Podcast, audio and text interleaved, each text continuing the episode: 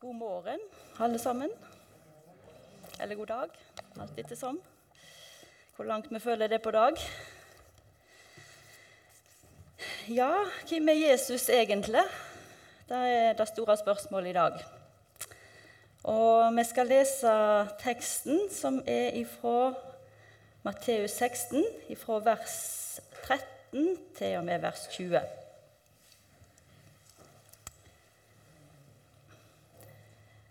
Da Jesus kom til bygdene ved Cesarea Filippi, spurte han læresveinene sine.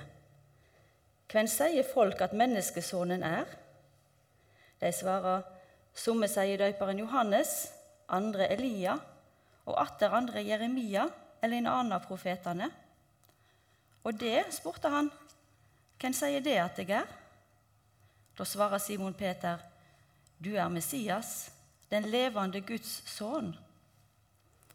Jesus tok til orde og sa, Sela du, Simon, sønn til Jonah, for dette har ikke kjøtt og blod åpenbæra for deg, men Far min i himmelen. Og det sier jeg deg, du er Peter, og på dette fjellet vil jeg bygge min kirke, og dødsrikeportene skal ikke få makt over henne. Jeg vil gi deg nøklene til himmelriket. Det du binder på jorda, skal være bundet i himmelen, og det du løser på jorda, skal være løst i himmelen. Så forbød han læresveinene strengt å si til noen at han var Messias.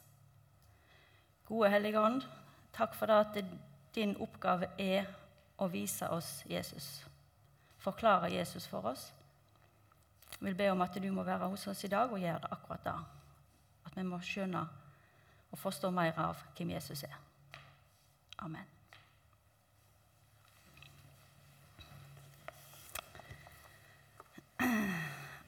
Ofte når jeg er i begravelse, så tenker jeg at det skulle unnt den som var død, å være i begravelsen. Og høre minneordet som ble sagt om han. For eh, da får vi greie på mye som det kanskje hadde vært fint å visst mens vi levde. For det er ikke alt vi ser sjøl av eh, hvordan vi er, hvordan mennesker rundt en oppfatter oss. Vi har jo vært eh, blindsone og, og, det er ikke så lett å se livet vårt fra utsida. Så kanskje vi hadde fått en aha-opplevelse noen og enhver hvis vi hadde hørt minneord om oss. Er det sånn jeg ble oppfatta? Var det sånn det så ut for de andre? Og, og, det er kanskje stor forskjell på hvordan vi oppfatter oss sjøl, og hvordan andre oppfatter oss. Og kanskje så dømmer vi oss sjøl litt strengere enn de andre dømmer oss. Vi er kanskje våre egne kritiker som er den største kritikeren. Det er oss sjøl. Eh, I teksten i dag er det akkurat som Jesus er ute og, og fisker. Hvem sier folk at jeg er? spør han. De var i bygdene ved Cesarea Filippi, og han, en fjerdingsfyrste sa til Philip, han hadde grunnlagt byen. Og så hadde han kalt han opp etter keiseren Cæsar og etter seg sjøl, Philip. Derfor Cesarea Filippi. Eh, det var i et område som var kjent for avgudsdyrkelse. Og I dette området her var det en stor klippe, og den ble brukt til å dyrke fremmede guder. Spesielt skogsguden Pan ble dyrka her. Ikke lenge før dette som vi leser om nå, så hadde Jesus metta 5000 mann med to brød og fem fisker. Og nå hadde han trukket seg unna all ståheien og alle sensasjonshungrige mennesker og så hadde de trukket seg vekk og var alene, bare læresveinene og Jesus. Og så er det da han spør hvem sier folk at jeg er? Var han opptatt av omdømmet sitt? Han som ikke brydde seg om hva folk tenkte. Han gjorde mange ting som ikke folk syntes var passte seg, som ikke var sånn som de hadde forventa. Hvorfor var han opptatt av hva andre syntes om han? Og så visste han jo uansett òg alltid hva folk tenkte. Da ser vi jo flere plasser at han visste hva de tenkte. Så hvorfor spør han da? Hvorfor spør han disiplene sine om hvem sier folk at jeg er? Jesus han var jo eksperten på å kommunisere. Og han veit hva som skal til for å få det ønska resultatet. Han nøyer seg ikke med å sjekke eller høre hva andre folk sier, men han vil ha greie på hva de sier. Disiplene sine. Hvis vi hadde stilt da spørsmålet til fem på gata i dag Hvem var Jesus? Hva svar ville vi fått da? Det hender jo de gjør det. Hvem er Jesus? Eller andre ting. Hva er jul? Hva er pinse? Og det er jo ingen oppegående mennesker som ville sagt at Jesus ikke har levd. Det er ateistiske forskere òg enige om, at Jesus har virkelig levd. Det er godt dokumentert. Men ville de fleste si at Jesus var Messias, Guds sønn? Det tviler jeg egentlig på. Mange tror jeg ville sagt at han var et godt forbilde. Han var en person som gjorde mange gode ting, som var en god morallærer, klok. Men hvis dette var sant om han, og han samtidig sa at han var Gud, ville han da være rettferdig og til å stole på? Ville en stor morallærer og et godt menneske lyge om hvem han var? Hvis Jesus var en stor morallærer, ville han da være sannsynlig at han snakket sant når han sa han var Guds sønn? Den britiske forfatteren C.S. Lewis han har sagt at når det gjelder Jesus, hvem Jesus er, så er det bare tre alternativ.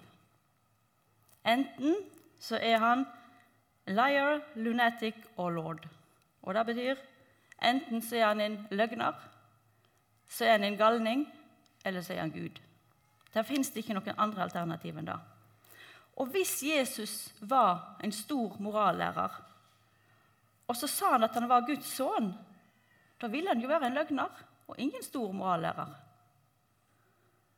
Og hvis han var mentalt forstørra og hadde et helt eh, forvrengt bilde av virkeligheten, så vil han ikke være et stort forbilde og ansvarlig person å følge etter. Så det utelukker egentlig både løgner og galning. Derfor må han være herre, sier C.S. Lewis i sitt resonnement. Og da står vi altså igjen med det ordet lord, eller herre. Og det er det som Peter òg sier når han får spørsmålet. Du er Messias, den levende Guds sønn, sier Peter. Min Herre og min Gud, sa Thomas. Her begynner evangeliet om Jesus Kristus, Guds sønn, sier Markus i begynnelsen på sitt evangelium. Denne mannen var virkelig Guds sønn, sa den romerske soldaten som så Jesus dø. Alle disse var øyevitner til Jesus, til livet hans. De gikk sammen med han, de så, så det han gjorde, de hørte forkynnelsen hans, og de vitna om at han var Gud. Han var Guds sønn, han var den han sa han var. Og når Jesus ble døpt, så kom det ei stemme fra himmelen som sa, 'Dette er sønnen min, han som jeg elsker, hør han'. Så det er mange vitnesbyrd på at Jesus er den han sa han var. Han er Herre, han er Gud. I år 37 så ble det født en uh, jødisk gutt. Han fikk navnet Josefus Flavius, og han ble en jødisk historiker, bl.a. Han var ikke noen etterfølger av Jesus, men han skriver sånn om hvem Jesus var. På denne tiden levde Jesus, en vis mann, en om en i det hele tatt kan kalle ham en mann, for han gjorde forunderlige verk, og han var lærer for de som med glede tar imot sannheten. Han vant mange jøder og mange blant grekerne. Han var Messias. Da han ble anklaget av de fremste menn blant oss, og Pilatus dømte ham til korsfestelse, opphørte ikke kjærligheten fra de som hadde elsket ham. For han viste seg igjen gjenoppstått for dem den tredje dagen, slik guddommens profeter hadde forutsagt dette, og andre ufattelige ting om han og stammen av kristne som bærer sitt navn etter han, har ikke blitt borte til denne dag. Det var en jødisk historiker sin nøkterne beskrivelse av Jesus. Og Han skriver òg han var Messias. Han var ikke en etterfølger av han, men hadde han innså at det var han han var. I, vår har vi hatt veldig stor glede av å se på en serie som heter The Chosen, som betyr Den utvalgte. Det er episode, filmepisoder fra Jesu liv som du kan se på en app på telefonen. Og Her kommer vi veldig tett på livet til Jesus og disiplene hans. På godt og vondt, det må vi kunne si. Det er ikke bare glansbildet som kommer fram. Men vi møter de disiplene, læresveinene, fra det første møtet med Jesus, der de forundrer på hvem er han her. Så føler de han, og så går de sammen med han, ser tegnene og underet og hører forkynnelsen hans. Og så spirer det fram en, en erkjennelse av hvem Jesus er. På ei konfirmanthelg som jeg var på for noen år siden, så var det ei som sa det så veldig fint. Andreårskonfirmantene skulle fortelle sin troshistorie til førsteårskonfirmantene. Og så sa hun hun forklarte kristenlivet sitt med en soloppgang. Og det syns jeg var så fint. Det, var, det vokste fram en gradvis tillit og tro til Gud. Og det samme kan jeg også si. Ofte har jeg syntes det har vært litt sånn puslete å bare si det at ja, jeg har alltid vært en kristen, og jeg kan så lett bli begeistra for sånn ekstraordinære om, omvendelser som det liksom har schwung over. Liksom mer å skrive i avisa om eller mer å fortelle om. Men, sånn, men en soloppgang det går veldig gradvis og veldig sakte. Men det vokser fram en erkjennelse. Og Da syns jeg det gjorde godt å lese dette her som Peter sier. For Peter han var en sånn her så det var masse schwung over i det daglige. Han var ikke en sånn her eh, stillferdig kar, egentlig. Han var mannen for de store ord og de store fakta. Han gikk på vannet, og han førte an. Men når det kommer til dette spørsmålet Jesus spør hvem er, hvem sier det at jeg er, så er det akkurat som Peter er litt sånn stillferdig og inderlig og sier du er Messias, den levende Guds sønn. Han står ikke da liksom og roper det ut eller og liksom tar hardt i. Da kommer det en sånn kan si, en forsiktig bekjennelse fra Peter. Jeg syns det var litt godt å merke det. At det, ikke, det, det må ikke nødvendigvis være de store greiene for at det skal være sant. Men så var det da òg som kommer fram i denne serien The Chosen, at det, det var ikke den Messias de hadde venta på. Det var ikke sånn han skulle være. Tordensønnene Johannes og Jakob de innrømmer at de hadde, når de var små, så hadde de, de leka med lekesverdene sine og hadde øvd seg på å slåss mot romerne. For når Messias kom, så skulle de være klar og slåss mot romerne og få kasta dem ut. Det kommer fram i en episode. Sånn hadde de tenkt. Og så kommer Jesus, da. Og er han Messias? Er det sånn han skulle være? Det er jo ikke noe voldsomme greier med han. Ikke slåss han, og ikke snakker han mot romerne, og ikke er han sånn som hadde tenkt. Kanskje de kjente på litt skuffelse. Det var ikke det vi venta på. Det var ikke sånn han skulle være. Og kanskje er det sånn for oss òg at eh, ah, Er det en sånn Jesus vi ville ha? Hvis vi spør fem på gata hvordan skal Jesus se ut? Hva slags Jesus er det du vil ha. Han sier jo ting som er direkte ubehagelige for oss. Velsign de som forbanner dere, sier han. Elsk fiendene deres, sier han. Gå den andre mil hvis noen truer dere til å følge de én mil. Ta opp vårt kors, sier han. Bli forfulgt, sier han. Han pirker borti livene våre på en måte som tar fra oss sjølråderetten vår. Litt lenger ute i kapittelet her så sier Jesus vil noen følge etter meg, må han si nei til seg sjøl, ta korset sitt opp og følge meg. For den som berger livet sitt, skal misse det, men den som mister livet for min skyld, han skal finne det. Er det en sånn Messias vi vil ha?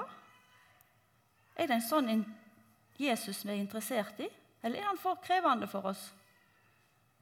Krever han for mye?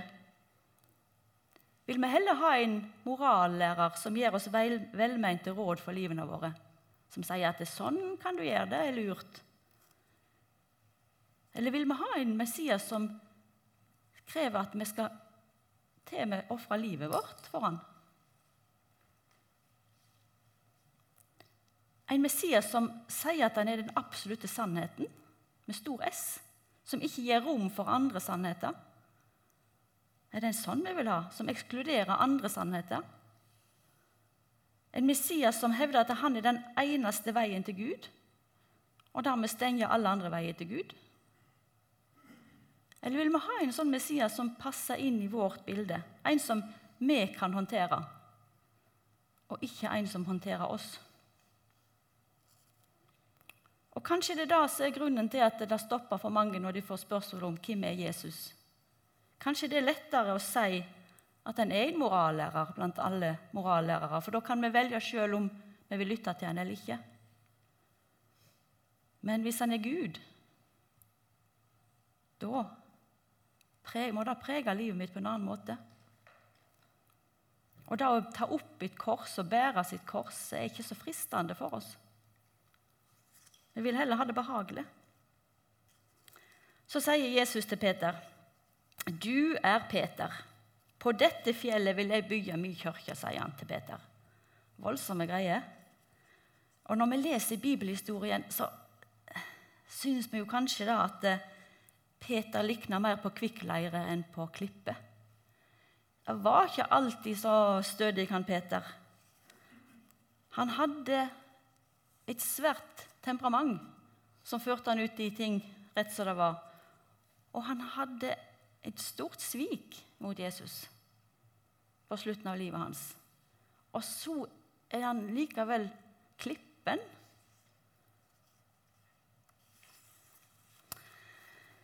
Men så er det da at det er ikke Peter sin karakter eller viljestyrke som Jesus skal bygge sin kirke på. Det er på bekjennelsen hans. Det er på det han sier at det er Messias, hjørnesteinen, den faste grunnvollen. Det er bekjennelsen til Peter som skal bygges kirka på, ikke på hans person. Og Sånn er det vel ofte med oss òg. Vi kan kjenne oss litt sånn kvikkleireaktige. Sånn litt svikefulle puslinger som ikke får det til. Som ikke gjør det vi vet vi skal, og som ikke lever sånn som vi hadde yngst vi skulle gjort når vi var Jesus, Jesu venner. Og så sier likevel Bibelen at vi er ei utvalgt ett, et kongelig presteskap, et heilagt folk, et folk som Gud har vunnet så de skal forkynne Hans storverk, Han som kaller dykk fra mørket og inn i sitt underfulle lys. Svære ord om oss, som kan føle oss som kvikkleirefolk stadig vekk. Så ikke det er så mye hold i å få tak i. Men det er ikke fordi vi er så standhaftige og kloke heller, men det er hvis vi bekjenner Jesus som Herre og som grunnvollen, det er da vi kan være i utvalgt ett, et kongelig presteskap og alt dette her fine. Ikke på den grunnvollen vi sjøl lager oss til. Og så er det viktig å legge merke til svaret som Jesus gir til Peter når han får bekjenne hvem Jesus er. Så sier Jesus, 'Dette har ikke kjøtt og blod åpenbæra for deg, men Far min i himmelen.' Og så sier han rett etterpå på dette fjellet vil jeg bygge min kirke. Altså, Han sier ikke at du Peter, du er så godt utrusta i hodet ditt at du har kommet på dette av deg sjøl. Og han sier ikke at du Peter, du er den stødige karen som jeg skal bygge kirka mi på. Nei, han sier at det er Gud som har gitt Peter den erkjennelsen. Han sier at det er Jesus sjøl som skal bygge kirka si på Peter. Og det er jammen bra. Det er ikke vi som klarer å tenke oss fram til Gud. Hvis vi er kloke nok og smarte nok i hodet, så klarer vi å tenke at ja, sånn må det være. Nei, det er Gud som kommer til oss og åpenbarer for oss hvem Han er. Og så er ikke det vi heller som skal bygge Guds menighet. Vi er bare redskap til byggmesteren. Og det er veldig nydelig å komme her på dugnad. Jeg ser jo at det er litt av hvert som rører seg rundt her. Og hvis jeg hadde kommet ned her, og så skulle jeg eh, liksom tenkt at ja, nå må vi gjøre sånn og sånn for at jeg skal være ferdig her, da hadde jeg mistet hele motet og sett meg ned og grene. Hvis det var jeg som skulle ha kontrollen. Men så kommer jeg ned her, og så er det Ingar eller Daniel som sier gir meg en malerkost, eller 'Nå skal du gjøre sånn og sånn og sånn'. Så det er de som har kontrollen. Det er de som bygger og har oversikten. Og så kan jeg bare svinge malerkosten, eller hva det måtte være.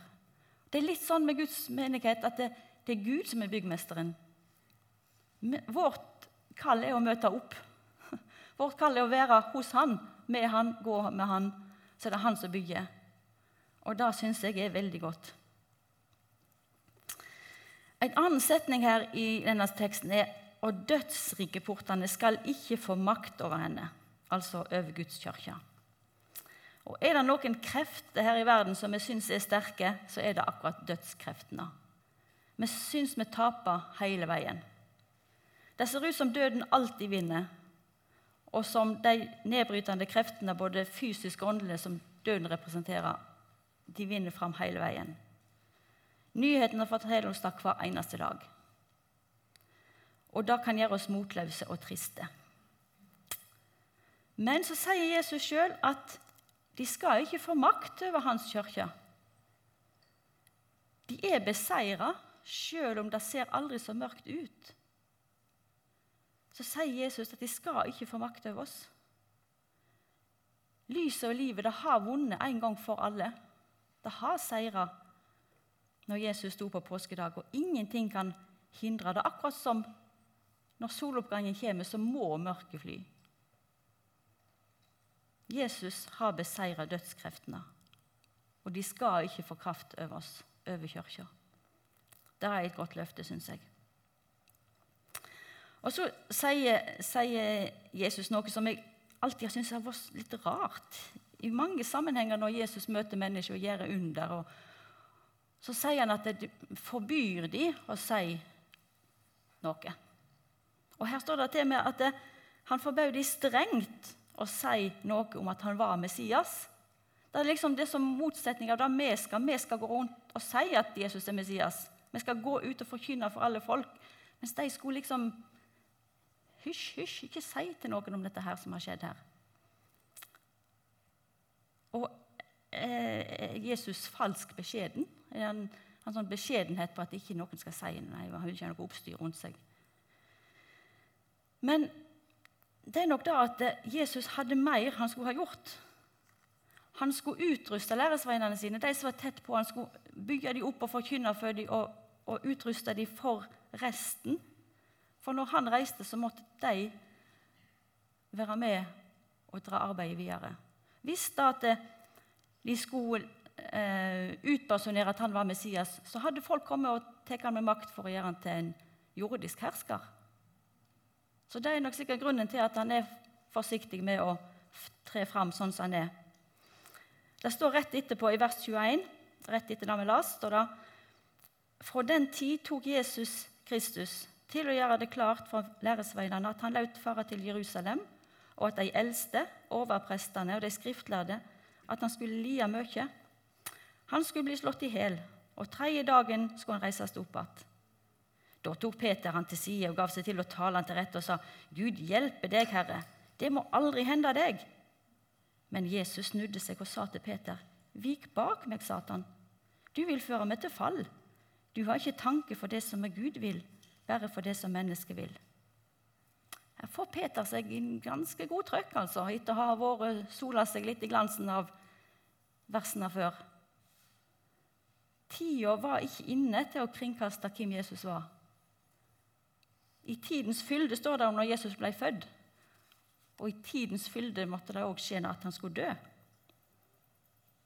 Og Det var jo ikke det de hadde forventa. Det var ikke det de ville. De ville ikke ha at Jesus skulle dø på en sånn ynkelig måte. Men Jesus var ikke en jordisk hersker. Han var ikke kommet for å hive ut romerne, men han var kommet for å fri mennesket ifra djevelens makt. Og da måtte han kjempe på andre måter. Og så spør Jesus og den enkelte av oss hvem sier du at Jesus er? Ikke hvem sier Misjonshuset at Jesus er? Eller hvem sier Misjonssambandet at Jesus er? Eller hvem sier mannen i gata at Jesus er? Han spør oss hver enkelt hvem sier du at jeg er? Og vi bekjenner jo hver søndag når vi står og sier fram trosbekjennelsen, at han er Guds sønn, verdens frelser. Men er han da for den enkelte av oss? Er han din frelser? Min frelser? Er han din herre? Er han lord i livet ditt? Hudson Taylor han, han har sagt det sånn Christ is either lord of all or he is lord, not lord at all. Altså enten så er Jesus herre overalt, eller så er ikke han herre over noen ting. Kong Harald han er ikke konge bare for samferdsel og helse eller Viken og Sogn og Fjordane. Han er konge over alt og over alle i Norges land som er borgere. Og Sånn er det med Jesus. Hvis han er herre, så er han herre over alt i vårt liv. Og så må hver og en snakke med han om hvordan det ser ut i vårt liv. Hva konsekvenser det har for oss at han er herre, at han er den han sier han var. Hvordan det ser ut i våre liv at han er herre. Ikke bare en morallærer, ikke bare en god person, men Guds sønn og vår Herre. Jeg har lyst til å slutte med en bekjennelse som jeg vil skrive under på og gjøre til min, sammen med Terje Tønnesen. Han har en programserie som heter Ladestasjon. og En av de programmet, eh, der så sier han om Jesus. Han kan alt, vet alt. Ingenting er ukjent. Han kjenner meg, vet hvordan jeg føler, tenker, hvorfor jeg blir lei meg, begeistret, trist. Derfor er Jesus min frelser, min beste venn, veileder, rådgiver, sjelesørger, skriftefar, predikant, pastor, hyrde, medvandrer, ja, mitt alt. Uten Jesus hadde jeg ikke hatt noe som holder i liv og i død. Sammen med Jesus har jeg alt. Jesus, takk for at du er den du sier du er. Du er ingen løgner, du er ingen galning, men du er Herre. Jesus, vil du la oss slippe deg til som Herre overalt i vårt liv, ikke bare over noen ting, men overalt. Jesus, snakk du med oss om hva det vil si for våre liv. Amen.